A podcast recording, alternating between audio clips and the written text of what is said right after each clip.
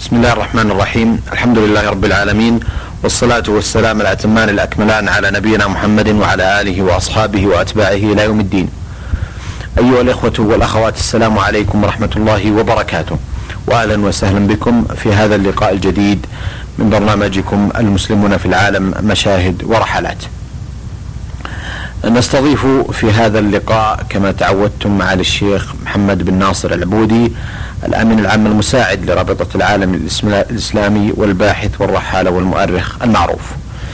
لا زال حديثنا يتواصل عن ولايات الهند المتعددة والتي آه، حظيت بزيارات آه، نادرة لمعالي الشيخ محمد والتي وثق من خلالها أوضاع الهند العامة والخاصة سواء كانت سياسية أو اجتماعية أو تاريخية وخص حديثه بتفصيل دقيق وإسهاب واضح عن أوضاع المسلمين هناك بحكم زياراته التي كان الغرض الأساسي منها هو تفقد أحوال المسلمين وشؤونهم وأوضاعهم.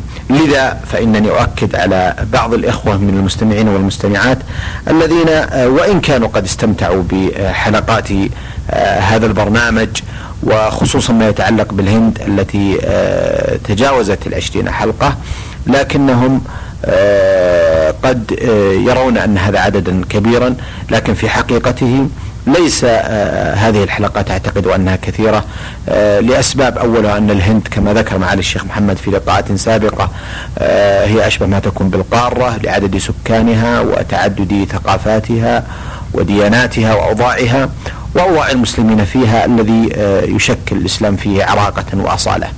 فضلا عن أن زيارات معالي الشيخ محمد للهند آه، كانت زيارات أعتقد أنها لا يمكن آه، أن تتاح لأي شخص ببساطة. فمعالي الشيخ محمد زياراته كانت أول الغرض منها الغرض الإسلامي الدعوي فضلا عن آه، ما حب الله معالي الشيخ محمد من آه، سعة بال وصدر وتقبل لتدوين كل ما يشاهده من آه، أوضاع تلك البلاد التي يزورها إضافة إلى أن تلك البلاد التي تحظى بزيارات معالي الشيخ محمد آه، يقوم من خلاله بجولات على العديد من المعالم التاريخية والسياحية المهمة في البلد والتي آه، لا بد وأن يكون لها ارتباط بأوضاع المسلمين من جانب أو آخر. لا أحب أن أستأثر بالحديث ف في بدء هذا اللقاء أرحب بمعالي الشيخ محمد وأكرر له جزيل الشكر والتقدير على تواصله في هذه اللقاءات المباركة التي نواصل في هذا اللقاء أيضا حديث معالي الشيخ محمد عن إحدى ولايات الهند. فحياكم الله معالي الشيخ. حياكم الله وشكر الله لكم حسن ظنكم المتجدد وبخاصة ما ذكرتموه عن الهند. وأرجو أن يلاحظ المستمع الكريم أننا في الحديث عن الهند أو غيرها لا نقرر آه، مقدما آه، كم سيستغرق الحديث عنها من حلقة ولا نقرر مقدما ما إذا كنا آه، سنطيل أو لا نطيل. لماذا؟ لأننا نحن نتحدث عن مشاهدات ونتحدث عن بلاد زرناها وعن أحوال المسلمين التي شاهدناها. لذلك أحيانا تكون الحلقات كثيرة بسبب أن الزيارات إلى تلك البلدان كثيرة وأحيانا تكون قليلة لكون الزيارات إليها كانت قصيرة ولذلك نحن آه، ربما آه، لاحظ المستمع الكريم نترك الموضوع آه، على سجيته بمعنى أننا لا نزيد ولا ننقص إلا بحسب ما لدينا من المعلومات عن البلاد التي زرناها. بالنسبة للهند الأمر كما كرمتم وذكرتم وهي أن الهند بلاد واسعة أشبه بالقارة والمسلمون متفرقون موجود فيها موجودون في جميع الولايات من أقصى الشمال على أعتاب الهيمالايا في كشمير إلى أقصى الجنوب في عمق المحيط الهندي. وكذلك في الشرق وفي الغرب ولا أريد أن أكرر ما ذكرته سابقا لأنني تكلمت على الولايات التي زرتها وهي تقريبا أكثر ولايات الهند ربما لم أترك إلا ولايتين أو ثلاث وهي من الولايات غير المهمة وأما الولايات المهمة فقد زرناها كلها واجتمعنا بالأخوة المسلمين وقدمنا أشياء من المساعدة من رابطة العالم الإسلامي إليهم. وكتبت في ذلك آه، كتبا عديدة وكذلك آه، حصلت على معلومات ميدانية بمعنى أننا لا نعتمد على المعلومات التي كتبها غيرنا. لأمور الأمر الأول ربما كان الذي كتب تلك المعلومات ليس دقيقا والأمر الثاني أنه تحدث ربما كانت حدثت تطورات وخاصة أكثر هذه التطورات تكون في مصلحة الإسلام والمسلمين بمعنى أنه إذا ذكر لنا أحد آه، من غير المسلمين أو حتى من المسلمين شيئا عن بلد من البلاد وذكر أن نسبة المسلمين على سبيل المثال فيها هي عشرة بالمئة ثم زرناها وتجولنا فيها وجدنا أن النسبة أكثر من ذلك ربما تصل إلى 15 أو 15 أو 12 بالمئة. وهذا ليس قاعدة ولكن أقول إن, المع... إن المعلومات الميدانية ليست كال... كالسماع. الذي آه، يسمع يعتمد على أفكار الآخرين وأفكار الآخرين أحيانا تكون آه، منبعثة عن ظروف خاصة بهم، واحد مثلا يأتي إليه شخص ويقنعه بشيء وهو في الحقيقة غير حقيقي فهذا الرجل يسجله. نحن لا نعتمد على هذه الأمور لأننا على هذه آه، الأحوال لأننا كما قلت نعتمد على المعلومات الميدانية بمعنى أننا نبصر الشيء ونسأل عنه من أهله. إذا وصلنا إلى البلاد ولكنني لم أتكلم في جميع هذا البرنامج الذي قارب أن يصل إلى مئة حلقة حتى الآن وربما آه، يتضاعف تضاعف هذه المئة في المستقبل بإذن الله. آه، أنني لم أذكر أي شيء إلا عن بلاد زرتها فلم أذكر أي مكان بالسماع أو بناء على آه، ما قرأته في الكتب أو بناء على ما بلغنا من الناس. اللهم إلا جزئيات بين المشاهدات. من الجائز ان نقول أننا وصلنا إلى بلد الفلاني وزرناه واجتمعنا بالأخوة المسلمين ولكن ذكر لنا عن شيء لم نشاهده وأنا دائما أقول ذكر لنا هذا وأوضح عليه أما إذا جزمت بالمعلومة فإن معنى هذا أنني رأيتها بنفسي وتحققت منها بنفسي. أرجو المعذرة عن هذا الاستطراد وأعود إلى الموضوع الذي نتحدث فيه وهو الموضوع عن الولايات الهندية وقد أطلنا بعض الشيء ولكن آه لم يبقى من الولايات التي سنتكلم عليها في الهند إلا اثنتان ولاهما ولاية مينيفور التي سنتكلم آه عليها هنا الآن إن شاء الله. والثانية ولاية مجاورة لها وهي أكبر منها وأهم وهي ولاية آسام وهذه سنتكلم آه، عليها في حلقة قادمة وربما في حلقتين قادمتين بإذن الله. مينيفور ولاية صغيرة في أقصى شرق الهند ولذلك تقع على حدود بورما. حدود مشتركة مع بورما وهي أقصى أرض الهند من جهة الشرق ومنيفور بمعناها بلغتهم أرض الجوهر. وقال بعضهم إنها أرض إنها أرض الجواهر ولكن أكثر من قال لي قال إنها أرض الجوهر. وهذه لغة لا أدري من أية لغة آه، كلمة منيفور. ولكن قيل لي هذا إن هذا هو معناها. زرناها في عام 1900 1318 عام 1318 وكنا قادمين إليها من آسام المجاورة.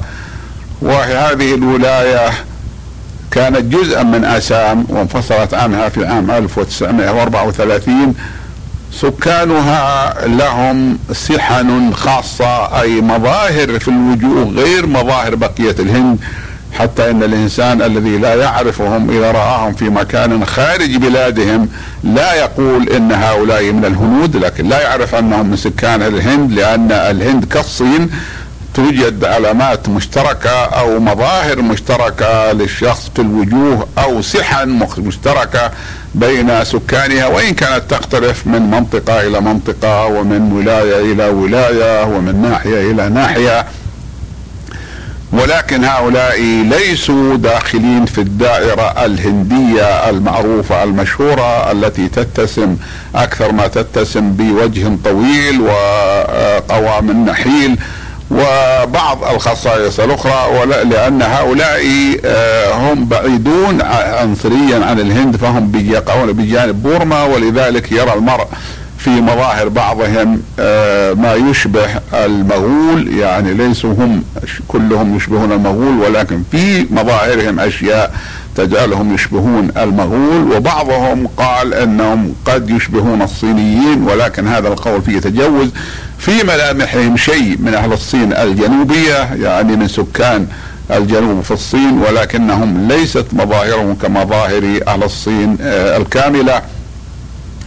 والولاية ولاية صغيرة سكانها يبلغ عددهم حسب إحصاء عام 91 الذي أخبرنا به القوم هناك عندما وصلناها. وذكروا أنه لم يجري إحصاء بعده لم يجري إحصاء للسكان فيها بعد عام 1991 ميلادية. وسكانها كانوا مليون وثمانمائة وأربعين ألفا أي نحو أقل قليلا من مليونين وربما كان عددهم الآن وصل إلى مليونين. والمسلمون لا شك أنهم زادوا أيضا لأن المسلمين كما قال لنا رئيس حكومة آه، ولاية منيفور قال نسبة المسلمين في بلادنا عشرة بالمئة وكرر ذلك قال ذلك ولديه عدد من الوزراء ومن الصحفيين ومن أهل البلاد مما يستبعد معه أن يكون قال شيئا من ذلك من باب المجاملة. أقول هذا لأنني رأيت ورقة سياحية أصدرتها الولاية ترغب الناس فيها تقول أن المسلمين آه، نسبتهم في الولاية ثمانية ونصف. ولكن رئيس الوزراء وأمام الناس وأمام الصحفيين قال إن المسلمين يبلغون تبلغ نسبتهم عشرة بالمئة. فهو أثبت وأصدق لما ذكرته. آه، نحن قلنا أن المسلمين عشرة بالمئة ولكن ربما آه، كانوا زادوا لأن المسلمين في الغالب زيادتهم أكثر من زيادة غير المسلمين أي المواليد عندهم أكثر. أما موضوع تعدد الزوجات فإنه يكاد يكون معدوما في هذه المنطقة وفي مناطق كثيرة من الهند وذلك ليس دينا أي لم يتركه الإنسان لم يتركه المسلمون لم المسلمون لم يتركوا تعدد الزوجات في الهند آه، ديانة أو اعتقادا أو مذهبا ولكن عاد عندهم أن الرجل لا يتزوج إلا زوجة واحدة ونحن نعرف أن المسلمين في داخل الهند في الأماكن المزدحمة يصعب عليهم أن يجعلوا لكل زوجة بيتا ونجد حتى بيوتهم ضيقة إلا ما كان منها في المدن الصغيرة أو في الأرياف. وليس معنى ذلك أن بيوت المسلمين أضيق من بيوت الهندوس بل العكس هو الصحيح. ولكن الوضع العام والطابع العام هناك وضيق البيوت وضيق الحياة كما هو معروف عن أهل الهند. وبخاصة أن أهل الهند الآن يزيدون زياد زادوا زيادة عظيمة ويتزايدون حتى أن آخر إحصاء جعلهم يزيدون على آه، مليار ساكن. قيل أنهم مليار أي ألف مليون وزيادة قليلة. ربما مليونين أو ثلاثة فهم يكادون يلحقون بالصينيين الذين يبلغ عددهم آه، مليارا وتسعين ألف أي ألف مليون وتسعين مليون من النفوس وبذلك تكون الهند آه، هي الدولة الثالثة في عدد السكان في العالم. أما من جهه الأديان في ولاية مينيفور فهي آه، كما يلي على وجه التقريب ما عدا عدد المسلمين فهو على وجه التحقيق لأن الذي يتكلم به أمامنا هو رئيس الوزراء قيل وحسب المنشور الذي أصدرته إدارة السياحة في البلاد أن عدد الهندوس آه وهذا لفظ إنجليزي لأن آه هندوس جمع هندو. هندو هو المتدين بالديانة الهندوكية والسين للجمع بالإنجليزية كما هو معروف. ورأيت علماء المسلمين الذين يكتبون باللغة العربية علماء المسلمين في الهند يسمونهم الهنادكة وقد يسمونهم الهنادك. الهنادك تبلغ نسبتهم 57% فقط. أي أنها قليلة جدا بالنسبة في بلاد الهند. الهنادك 57% فلهم الأغلبية ولكن الأغلبية ليست كبيرة. يليهم في الكثرة النصارى ونسبتهم 30% وهذا أيضا أمر عجيب ولكن آه، لا عجب في ذلك لأن الدعوة النصرانية وصلت إليهم من جهة بورما المجاورة وذلك أن آه، البلاد وذلك أن البلاد نفسها ليست ذات تقاليد عريقة كبقية الهند وبعضها يؤثر على بعض أي بعض الولايات يؤثر على بعض. فهذه ولاية منعزلة. فالهندوس لم يكونوا محصنين أو السكان لم يكونوا محصنين بهذا القدر بالقدر الذي كانت عليه التي عليه الولايات الهندية ولا تزال. لذلك صار منهم ثلاثين بالمئة من النصارى وعشرة بالمئة من المسلمين. وأما البقية وهي ثلاثة بالمئة فإنها اقليات قليلة كالسيخ والبوذيين والذين يسمون الجينيون والى آخره عدد قليل. آه، عند زيارتنا إلى أو عندما أردنا أن نزور ولاية منيفور وهي مجاورة لولاية آسام قال لنا أخونا وصديقنا الشيخ بدر الدين أجمل وهو رجل له الفضل بعد الله في تنظيم هذه الزيارة بمعنى أنه هو الذي استكمل أسباب آه، نجاح هذه الزيارة. قال لنا إن منيفور بلاد ليست آمنة وأن القتل في العاصمة وضواحيها يتكرر وأن الإنسان لا يأمن فيها حتى على نفسه. لذلك لن نذهب إلى ولاية منيفور إلا إذا جاءنا تأكيد من حكومتها بأنها ستوفر لنا حراسة مسلحة بسيارات عسكرية ترافقنا في كل مكان وإلا لم نذهب لأن هذا معناه المخاطرة بأرواحنا فقلت له لا بأس إن الاحتياط هذا موجود ولكن أنا أريد أن أرى هذه الولاية البعيدة التي أنا الآن قريب منها لأنني كنت أتكلم معه ونحن في ولاية آسام. فقال الطريقة أن نتكلم مع رئيس وزراء ولاية أسام حتى يتصل بحكومة منيفور ويخبرها عن قدومكم. ويقول إن لدينا آه، شخص سعودي آه، دبلوماسي ويقصدون بدبلوماسي أنني أحمل جواز سفر دبلوماسيا. وأن هذا الرجل هو من رابطة العالم الإسلامي ورابطة العالم الإسلامي في مكة المكرمة ومنظمة مهمة عالمية ويريد أن يزور ولايتكم لكن يجب أن يكون هنالك حراسه له وأن تذكروا أنكم مستعدون لكفالة الأمن له ولمرافقيه. هكذا قال الشيخ بدر الدين لرئيس حكومة آه، آسام المجاورة. فأبرق هذا بهذا المعنى إلى رئيس حكومة آه، منيفور. وهذا الرجل قال لي الوزير المسلم فيها إن آه رئيس الوزراء جمعنا وأخبرنا وأن حبذنا الزيارة وقلنا هذه الزيارة لا شك أنها ستسهم في بدء العلاقات بين ولايتنا وبين المملكة العربية السعودية بل, بل بين ولايتنا وبين آه العرب والمسلمين. هكذا قالوا لأن العلاقات مع العرب والمسلمين ليست جيدة يعني بمعنى ليست وثيقة أو ربما لا توجد علاقات فذهبنا إلى هناك ونحن مطمئنين وعندما وصلنا إليها من آه، آسام كنا آه، ركبنا من آه، مطار اسمه مطار مطار سلجر في آسام. وهذا المطار أمره عجب لأنه واقع في منطقة مطيرة جدا بحيث أننا كنا منذ نحو يومين ونحن لا نكاد نفارق المطر. وكان المسلمون ينظرون إلى المطر وتتغير ألوانهم وترتعد أجسامهم. وقلت لهم لماذا؟ قالوا لأن معنى هذا أن يغرق الرز وهو المنتوج الوحيد لنا في هذه البلاد. الأرز هو الذي تنتجه أنا أقصد آسام. قلت لهم لا يوجد تصريف؟ قالوا لا انظر إلى إلى الأنهار ونحن وأنا كل ما سرت منطقة آه، قصيرة وجدت نهرا إما كبيرا أو صغيرا. قالوا هذه الأنهار ليس لها تصريف. وليس المقصود انها لا يروح منها شيء لا يذهب منها شيء أصلا ولكن لا تستطيع تصريف السيول ولذلك يخافون من المطر كما نخاف نحن من الجدب ويسألون الله سبحانه وتعالى أن يمسك عنهم المطر كما نسأله نحن أن يرسل علينا المطر. هذا كان في أسام وقد غادرنا مطار سلجر إلى مدينة إنفال.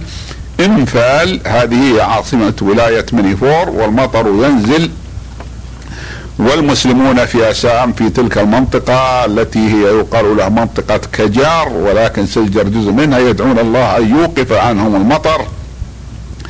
وجدنا في الاستقبال في مطار منيفور عدد من من الكبار من المسؤولين وكان فيهم في آه، آه، الشخص الوزير وشخص وزير مهم اسمه هلال الدين خان ومعنا أيضا الذين مع الذين استقبلونا وزير سابق اسمه عبد الحليم وكذلك استقبلنا محمد هشام الدين وهو عضو المجلس الإقليمي أي البرلمان المحلي ونوه المسلمون أو الذين حرفون له بأن الذين انتخبوه هم الهنادك لأنهم هم أهل الأكثرية والمنطقة التي انتخب نائبا عنها هي منطقة هندوكية ولكنهم انتخبوه لأنهم رأوا وعرفوا أنه سوف يعمل لجهتهم ومنطقتهم. أكثر مما يعمل المرشح الهندوكي أو المرشحون الهنادك أو المرشح النصراني. فالمسافة مسافة المينيفور هي تبلغ 22 ألف كيلو متر وهي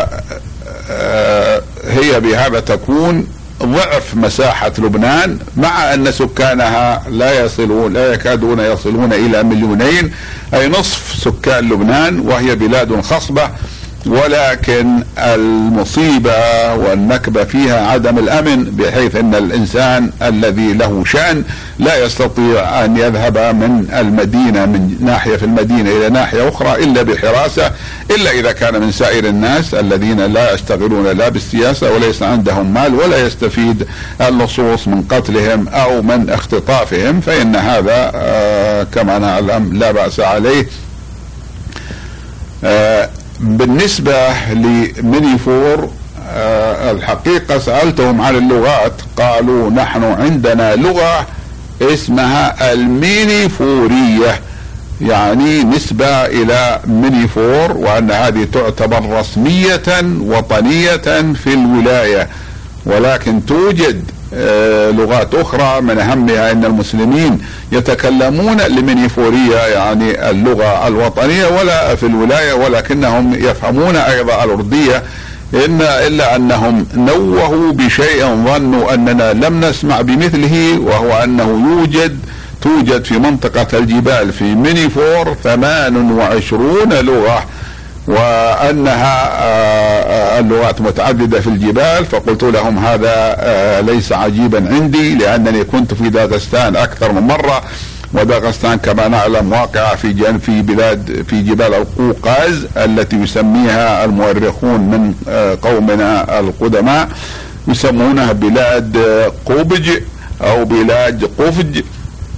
ويقصدون الجبال وهي التي تحورت إلى القوقاز والقفقاس فعندما كنت هناك قلت لهم إن المؤرخ مؤرخين ومنهم المسعودي ومنهم ياقوت الحموي ومنهم آه، آه، عدد كبير من المؤرخين ذكروا أن في هذه الجبال جبال داغستان أكثر من ثلاثين لغة ولا يفهم بعضهم بعض الذين يتكلمون في هذه اللغات لغة الذين يجاورونهم في الجبال فقالوا هذا صحيح ولدينا آه، نكتة تاريخية قديمة وهي يقال إنه الملك الموكل هكذا قالوا هذه خرافة. قالوا إن الملك الموكل باللغات إنه كانت معه اللغات في زنبيل وكان يطوف بها على البلاد ويضع في كل بلد لغة من لغاتها مما معه من اللغات فأصبحت هي لغة ذلك البلد.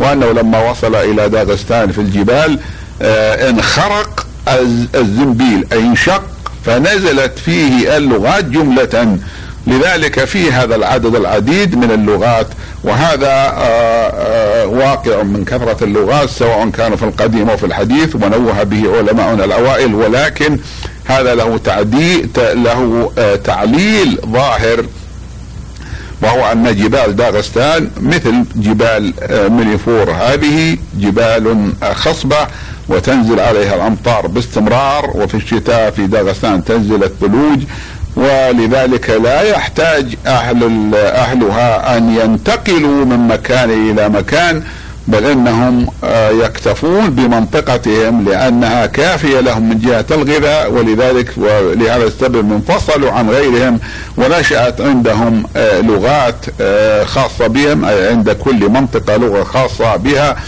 وفي ذا وهذا في العصر القديم عندما كانت الحاجات التي يحتاجها الإنسان القديم محدودة فمثلا لا يكون هناك حاجة كما نعلم لمواصلات كما هي الآن وهذا أمر معروف أن الحياة الآن تغيرت وأصبح الناس يختلط بعضهم ببعض. ولذلك ذكرت الأمم المتحدة أن اللغات الكثيرة غير الواسعة أنها تموت الآن سنويا. في كل سنة يموت مثلا خمسين لغة ستين لغة والمقصود بذلك من هذه اللغات الصغيرة. وذكروا أنه بعد سنوات قليلة لن يبقى إلا لغات آه، كبيرة من أهمها اللغة العربية حيث أصدرت الأمم المتحدة في الوقت الحاضر أن اللغة العربية هي اللغة الثانية في العالم.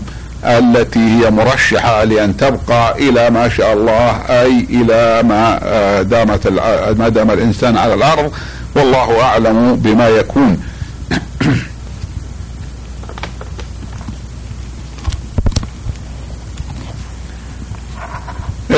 إن آه، ولاية منيفور هي في الحقيقة تعتبر ولاية منقطعة ليس في موقعها فقط كما قلنا وإنما أيضا بالنسبة للإخوة المسلمين في الهند فأكثرهم لا يعرفها ولم يزورها. وذكروا أن كثير من العاملين في الحقل الإسلامي في الهند لا يعرف هذه الوزارة ولم يزورهم ولم يعرفونه.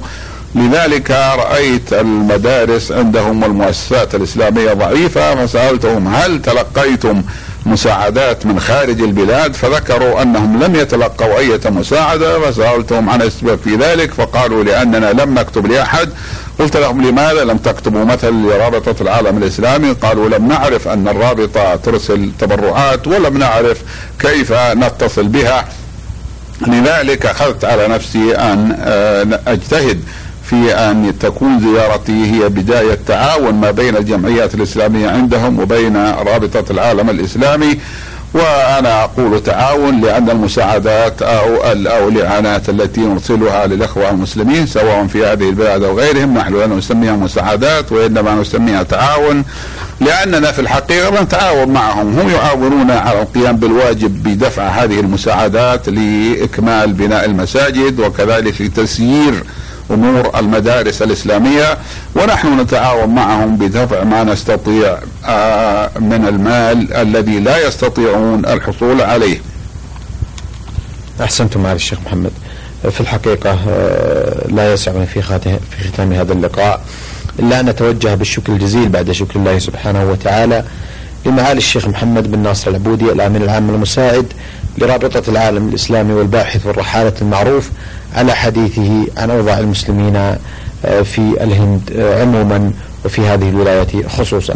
نلقاكم أيها الإخوة والأخوات على خير في مثل هذا اليوم من الأسبوع القادم وهذه تحية من محدثكم محمد بن عبد الله مشوح. السلام عليكم ورحمة